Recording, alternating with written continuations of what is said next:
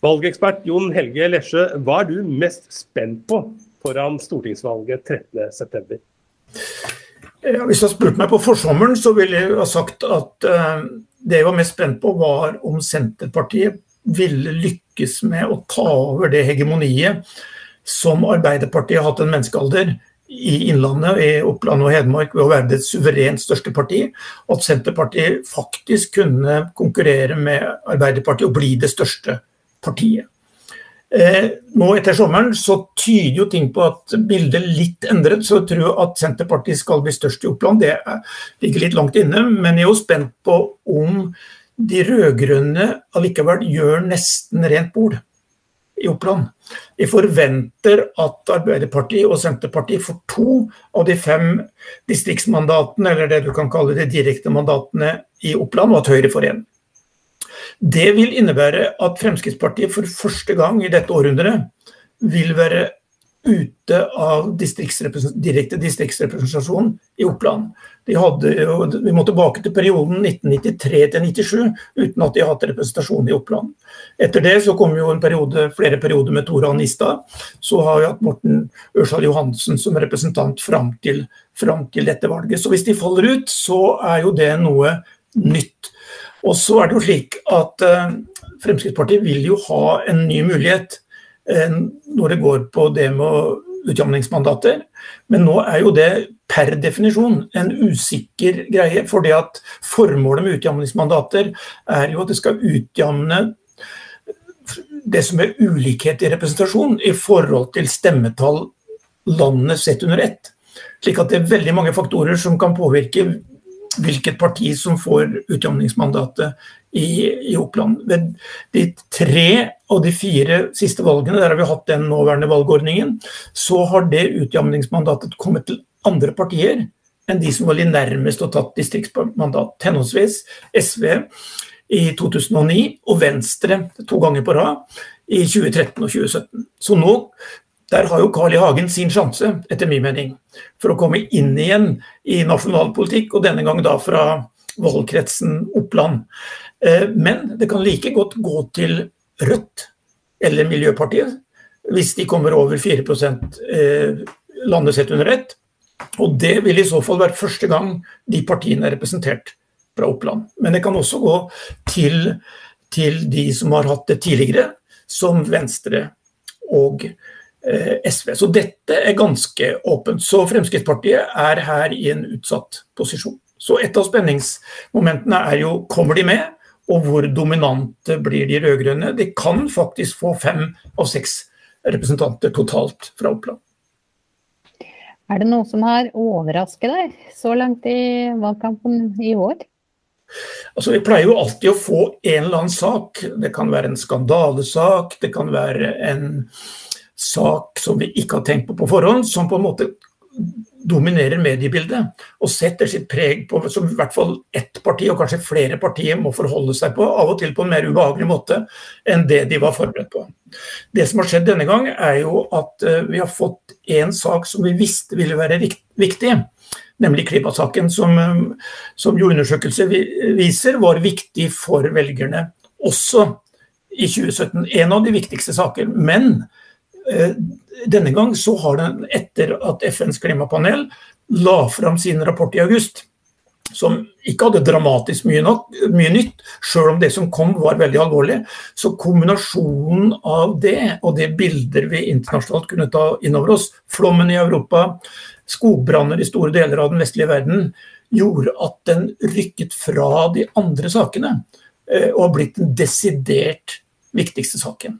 Det forutsetter nok ikke er på forhånd, og heller ikke mange av partiene, at den skulle bli så sentralt. Men hva slags politiske eller partipolitiske virkninger det får, det er jo en annen sak. Men en antakelse er jo at den vil veldig stor grad prege bildene i storbyene. Og kanskje i noe mindre grad, selv om den indirekte er viktig der også, i distriktskommunene. Hva vil du si er de største seierne som eh, de ulike konstellasjonene Erna Solberg-regjeringen har eh, innkassert, sett med innlandsøyne, de siste fire årene? for så vidt en nasjonal sak, da, men jeg mener at det har vært viktig i Innlandet også, og det er samferdselspolitikken. Der det er, uavhengig av hva slags partipolitisk ståsted man har, så tror jeg vil si at Solberg-regjeringen har på en måte satt samferdselspolitikken, og særlig veiutbyggingen, da, eh, og prioritert den sterkere og løfta den sterkere fram på dagsordenen enn tidligere regjeringer har gjort. Og i Innlandet så har de jo det så tror jeg på en måte at de viktigste materielle sporene så å si, etter denne regjeringa er jo veiutbygginger. Og da tenker jeg spesielt på det som har kommet nå, da, med firefelts motorvei fra Kolomoen eh, og så langt helt fram til Moelv. Eh, og også lovnader om bevilgninger eh, på rv. 4 på, på andre sida. Men dette vil jeg også si er jo på en måte en, det er seier med bismak. For de har lykkes med å reorganisere samferdselspolitikken og etablerte en ny organisasjon, ny institusjon med Nye Veier, som har fått godt skussmål. Eh, men vi ser nå at de møter på problemer, dels Eh, når det gjelder videreføring av E6 gjennom Gudbrandsdalen. Og vi ser også betydelig eh, misnøye på vestsida om hvilke strekninger som er prioritert, og, som får muligheten å komme med. Og så er jeg jo litt usikker på om vi skal kalle det en seier eller ei, men de har iallfall lykkes med å avdramatisere noe som var lov på forhånd. Nemlig at vi skulle få dobbeltspora jernbane i hele det gamle intercitytriangelet helt fram til eh, helt fram til Lillehammer. Eh, og, og, gjennom hele Østfold eh, og ned til Skien. Eh, det har de gjennom Nasjonal transportplan, nasjonal transportplan tatt ut av den uten at de har fått så mye politisk språk som man kanskje kunne vente i en sånn type nedprioritering av jernbanen. Eh, nå ser vi at eh, opposisjonspartiene styrker seg igjen i Innlandet eh, på den siste målingen.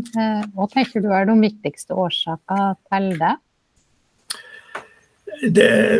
Jeg tror på en måte det at når vi skal se Solbergs periode under ett, så er det ingen tvil om at Senterpartiet i større grad enn vi kunne forutse, har kommet fram som det mest markante opposisjonspartiet. Og det ga, også, eh, det ga også stor uttelling på meningsmålingene, og også ved, ved valg allerede i 2017 og det mellomliggende lokalvalget i, i 2019. Da det jo utfordra Arbeiderpartiets posisjon som det sterke, sterkeste opposisjonspartiet i mange valgkretser, og også var en ubehagelig konkurrent ved at de tok velgere i veldig stor grad på tvers av skillelinjene mellom sentrum-høyre og sentrum-veldig. De tok fra alle, nesten. Og de tok fra Høyre, de tok fra Arbeiderpartiet, de tok fra, tok fra Fremskrittspartiet. Og et stikkord for det er jo at Senterpartiet lykkes med å kan du si, løfte fram sentrum-periferi-skillene i norsk politikk, som har, er et eh, permanent innslag i norsk politikk, har vært gjennom hele det forrige hundreåret. Av og til så har den eh, motsetningen vært så å si latent. Den har vært der, men den har ikke kommet så sentralt på dagsordenen. Men det er på en måte Senterpartiets mesterstykke i denne perioden, at de har greid å løfte det fram. Primært da som en motstand mot uh, Solberg-regjeringas Eh, reformer. Nå har Arbeiderpartiet, som var litt seint ute her, tatt det opp i seg, og også prøvd å være med og si at deres gamle slagord 'by og land hand i hand' gjelder fortsatt i konkurransen om de velgerne. Så Det er den ene hovedfaktor.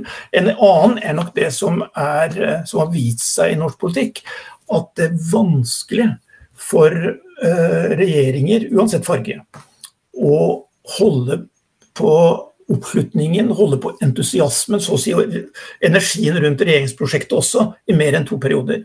Og det ser vi nok på en måte har innhentet regjeringa Solberg, slik at uh, det har vært et opinionssvingning som har pågått over lang tid, som vender seg mot alternativet til den sittende regjering, som jo også egentlig har vært en litt sånn urolig flokk når det gjelder partier inn og ut. Sjøl om uh, Erna Solberg med, sin pragmatiske lederstil har greid å holde Høyre ved, makten eh, i hele perioden. Så det har også innlandspartiene, eller Innlandet, bærer litt preg av det generelle opinionsskiftet som vi har opplevd. Det tredje momentet jeg vil nevne, er vel at eh, det at klimasaken og også Eh, spørsmålet om sosial utjevning. Utenforskap, barnefattigdom, utjevning har kommet så sterkt på dagsordenen. Det har også løfta fram SV eh, og Rødt når det gjelder sosial utjevning, og Miljøpartiet og for så vidt også nå i siste dager litt Venstre når det gjelder eh, miljøsaken. Og Det ser vi på målinger også i Innlandet, at Rødt har hatt gode målinger i Innlandet, mye bedre enn de noensinne har hatt.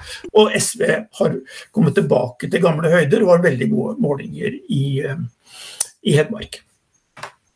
Hvis det skulle bli et eh, skifte den 13.9, eh, og det er Jonas Gahr Støre som får i oppgave å lede den neste regjeringen, hva blir hans, eller det viktigste hans regjeringsprosjekt må levere på, sett med Innlandets øyne?